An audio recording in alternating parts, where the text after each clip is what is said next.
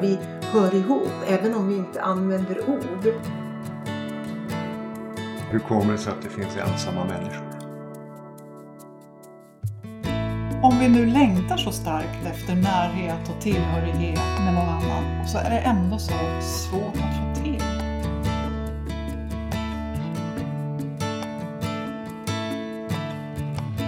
Hej! Du lyssnar på Angeläget, en samtalspodd från Svenska kyrkan i Umeå Lena Fageus och gäster.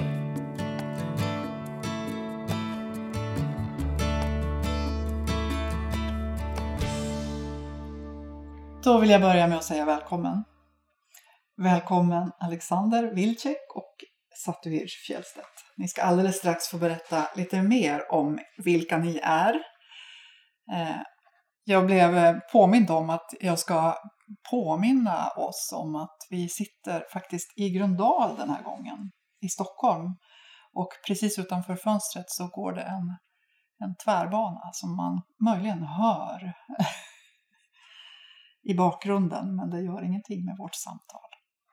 Men innan vi börjar så vill jag förstås, precis som jag brukar göra, tända ljuset som får brinna under vårt samtal. Välkommen hit! Tack, tack. Sattu, vill du börja med att säga någonting om vem du är? Ja, ja men eh, jag är eh, teolog i grunden och väldigt intresserad av e- existentiella frågor och har alltid varit det så länge jag minns. Sen har jag utbildat mig till psykoterapeut och parterapeut och har också jobbat väldigt många år med sorgärenden så att jag är ganska erfaren och ja, har bred kunskap om just sorgen. Mm. Alexander? Mm. Jag är psykiater och psykoanalytiker och forskare. Och eh, det, det område som jag senast nu har forskat kring är stress och utmattning. Men eh, mitt egentliga forskningsområde är psykoterapi. Eh, och där har jag speciellt eh, intresserat mig för personlighetsproblematik. Så att eh, personlighetens betydelse för vår psykiska hälsa har varit väldigt central för mig. I mitt, både i mitt forskningsarbete och också i min kliniska, mitt kliniska tänkande. Jag har också varit verksamhetschef på Ersta psykiatriska klinik där när vi arbetade med eh, psykiska problem hos sjukvårdspersonal. Så det är också ett specialområde som jag är extra kunnig kring. Mm. Att just ni två sitter här eh, tillsammans med mig, det har, jag menar, eh, jag menar, eh, dels en sak är ju att ni båda har varit i Umeå och eh, hållit varsin föreläsning. Mm. Eh, en om vår längtan efter besvarad kärlek, det var Sattu. Mm. Och eh, Alexander, din var, vänta nu, att vara människa på gott och ont tror jag du kallade din föreläsning. Ja, mm. Och så kände jag att när jag eh, lyssnade på er och eh, tänkte på att få göra en podd så, så tänkte jag, jag menar, de här temana kan vi väl ändå para ihop, eller hur? Mm. Kärlek kan det få handla om. På, ur en massa olika perspektiv. Mm. Mm. Jag har ju träffat er, känt er ganska länge. Vi, jag träffade Alexander, vi träffades när jag gick psykoterapeututbildningen och vi träffades också under terapiutbildningen. Mm. gjorde vi.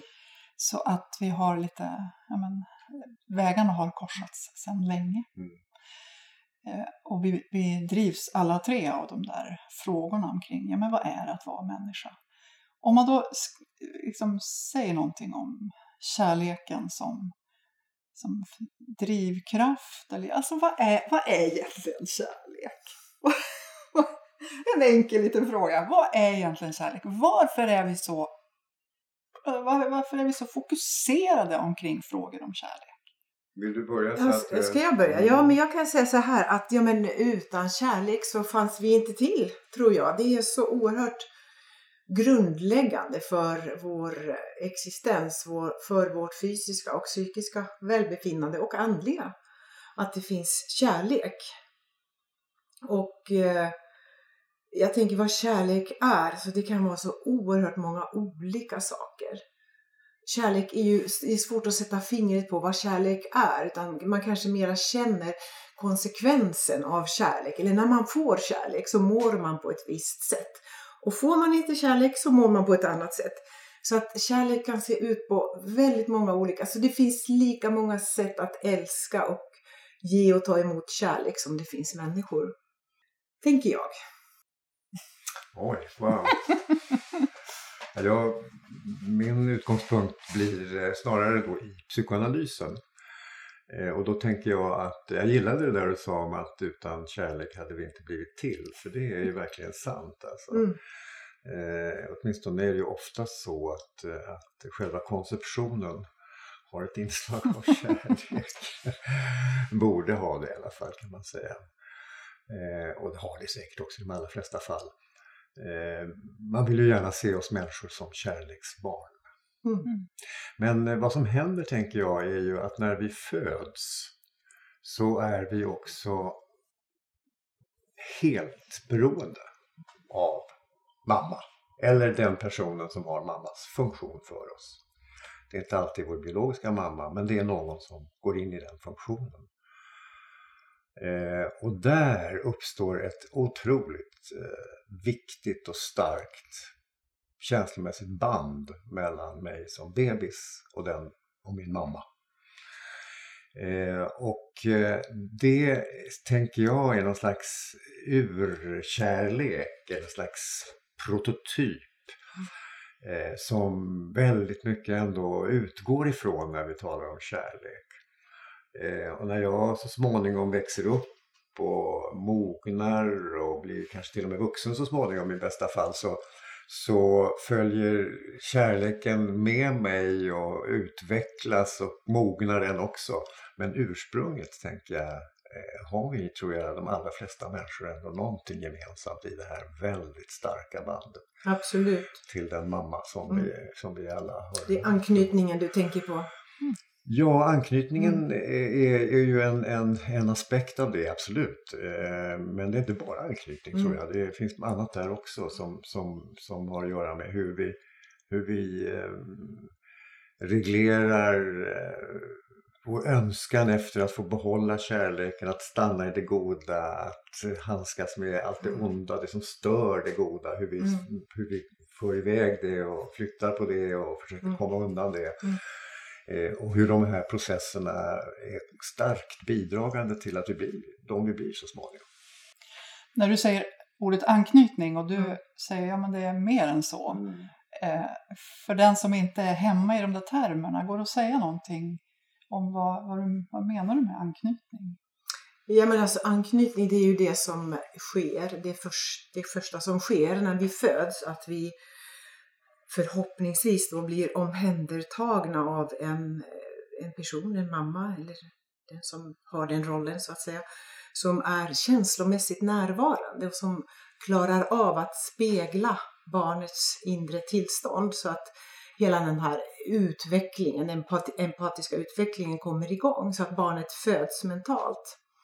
Och det är ju väldigt, alltså man kan ju göra rätt rent praktiskt.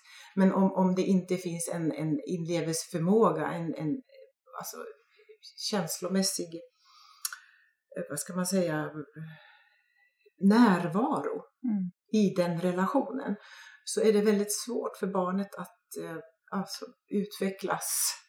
Alltså hjärnan är ju inte färdigutvecklad när vi föds. Så att den här empat, det här empatiska bemötandet i början hjälper hjärnan att växa färdigt så att barnet sen kan gå in i nästa utvecklingsfas och så nästa och så nästa. Tills det sen är moget en dag att själv börja älska. Mm. Det, det där håller jag helt och hållet med om. Alltså, anknytningen är kolossalt viktig just för att eh, processen mognande ska ske. Men jag menar att det finns någonting också som, som, som är en slags ursprunglig, liksom, absolut aspekt av beroende. Som, som, eh, eh, som också följer oss igenom och där en god anknytning blir en stor hjälp för mig att handskas med det. En, en problematisk anknytning kan göra det svårare för mig att få med mig det här vidare. Eh, men, men att det finns någonting eh, som, som eh, är oberoende av anknytningen. Anknytningen blir sen, sen det som hjälper mig att utveckla det här och att mogna i det på det ena eller andra sättet. Så tänker jag. Det är därför jag menar att det finns mer än bara anknytning kring det. Det var liksom det jag tänkte. Ja, jag, jag, jag, tycker, jag försöker vara lite konkret sådär. Ja, jo, jo, nej, men jag, jag, jag, jag tycker att det här med anknytning är kolossalt viktigt mm. därför att det om jag skulle bara försöka översätta det ordet till, till eh, lite andra ord så tänker jag att anknytningen, alltså att det handlar om det, det, det ömsesidiga det ömsesidiga i relationen till mamma. Att jag, eh, det här otroligt starka beroendet som så småningom, eh, alltså det är ju så här att när, när mitt beroende av mamma blir tillfredsställt så är det gott.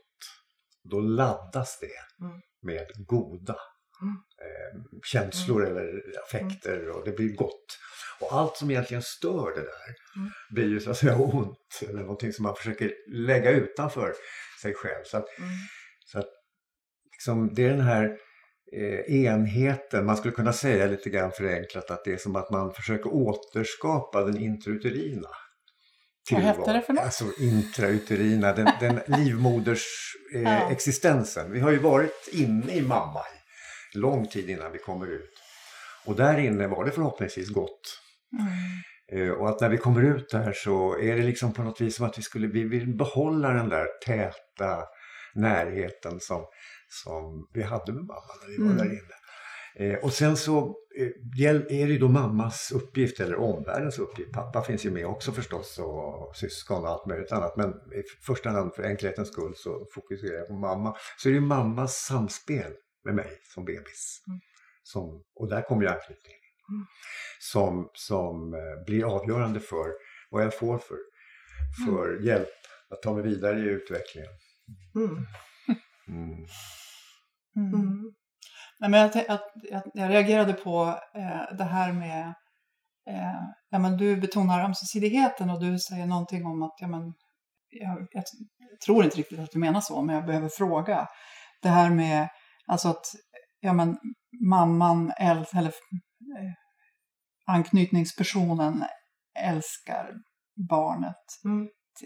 Och till slut så är man beredd att älska själv. Men visst är det väl så att barnet är förmöget att älska redan, alltså väl på en gång nästan. Eller? Tänker ni inte så? Är det inte så att det är ömsesidigt? Jo, jag tänker så definitivt. Eh, även om jag tycker kanske att det är svårt att använda ordet älska. Därför att som bebis så har jag inte det. Jag har inte tillgång, tillgång till det begreppet. Nej. Men jag kan titta in i och förlora mig i mammas ögon. Mm. Men det är ju en spegling, en projektion, att du projicerar någonting gott in i barnet. Men som jag sa förut så är ju när människobarnet föds så är ju inte hjärnan färdig. Alltså vi inte, om, om vi skulle vara kvar mm. i livmodern tills hjärnan var mera färdigutvecklad så finns det inte plats i förlossningskanalen. Så att av naturliga skäl så föds vi... För den är väl färdig när man är 25 eller vad är det? Ja, hjärnan är inte färdig. Nej, precis. Så att Ja. Så att, att vi föds ju är väldigt, väldigt bero, alltså sårbara som bebisar och att, att det finns ju ett imperativ att alltså den här samhöriga, jag håller helt med dig om att, att det finns en, en känsla av alltså, längtan efter stark eh, samhörighet som vi har med oss ända från savannerna. Så att vi är ju sammanlevande. vi, vi hör ju ihop och den här känslan av att tillhörighet, den, den måste ju finnas Ja, för visst är det så om man nu liksom lämnar det lilla barnet och går mm. till de, de vuxna personerna. Visst är det så att alltså den där ja, men längtan efter att på något sätt återskapa en, en plats eller en relation där jag får vara helt och fullt mig själv, där jag blir mottagen som jag är, även om jag beter mig eller i alla fall blir förlåten eller där jag inte behöver putsa upp mig. Alltså allt det där mm. som kan vara i, eller som finns i den nära relationen är ju ja, men någonting av... Ja, absolut. Ja. Mm. Att det... Jag tror att det är, alltså att det är ett otro, ett väldigt grundläggande behov av att, att, att, vara, att få plats hos någon annan. Alltså att, få, att jag, får, jag kan rymmas, jag kan bli hållen av en annan människa. Att det är sådär, Mm. det har med den här, som jag var inne på, savannenkänslan, Mm. att vi är ju sammanlevande. Vi, våra nervsystem pratar med varandra. Vi hör ihop, även om vi inte använder ord. Mm. Så finns det ju en, en, alltså en längtan efter kontakt. Jag träffade en person eh, nu när vi började kunna träffas igen efter pandemin. Nu drar de ju åt skruvarna igen med, med restriktioner. Men en person som inte hade just någon familj att umgås med och eh, faktiskt var väldigt, väldigt isolerad under månad efter månad efter månad. Och det har gjort någonting med den här personen. Jag tror att det är väldigt många som har det på det sättet. Mm. Alltså det är väldigt många som faktiskt är ensam. Mm. Som inte har fått Mm. till det med den, med den där nära relationen.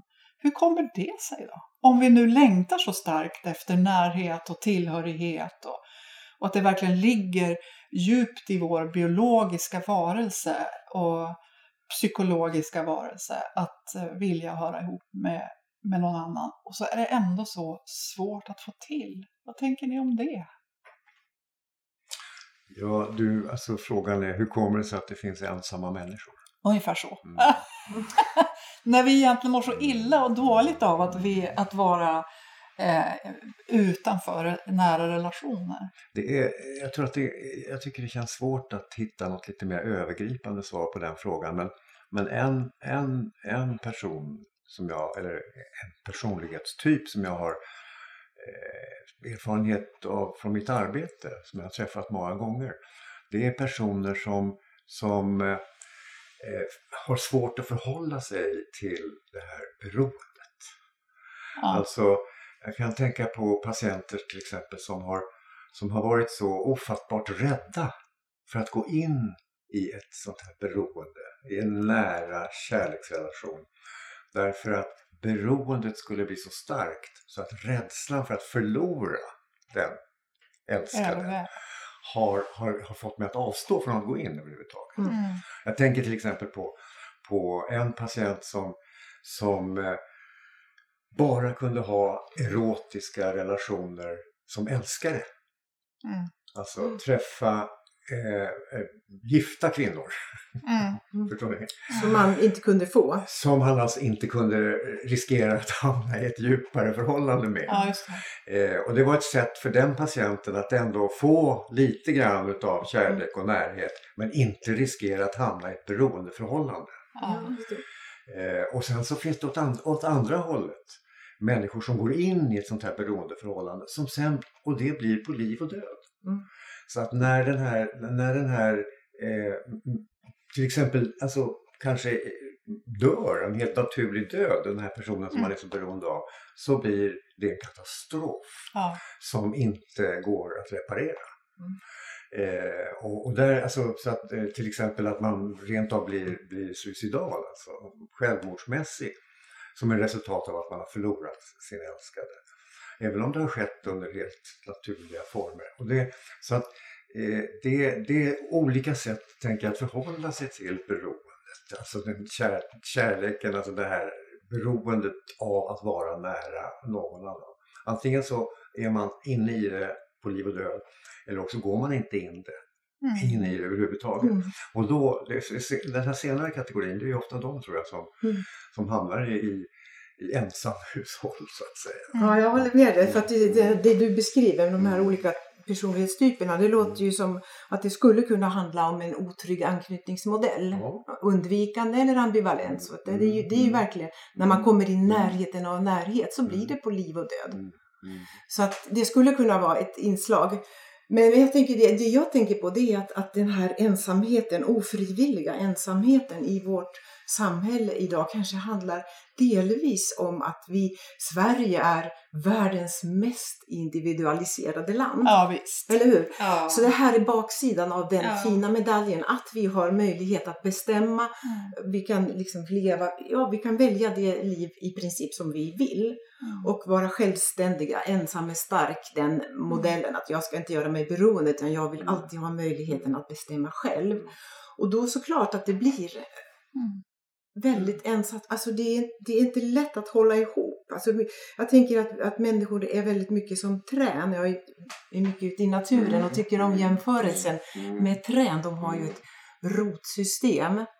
Och sen så finns det en massa mycel som, som, som hjälper till med kommunikation, alltså sådana här svamptrådar Mm. som hjälper till mellan eh, att, kom, att träden kan kommunicera sig emellan. Och om, om man då tänker att människor är likadana, att vi bygger upp våra nätverk Mm. för att få den här känslan av sammanhang.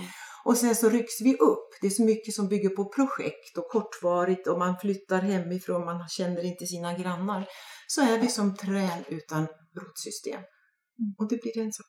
Nu känns det ju otroligt eh, tråkigt att, att stanna den första delen av vårt samtal med att det blir ensamt när vi ska tala om kärlek.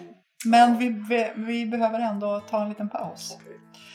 Så eh, jag säger tack för nu och ser fram emot nästa del av vårt samtal. Tack!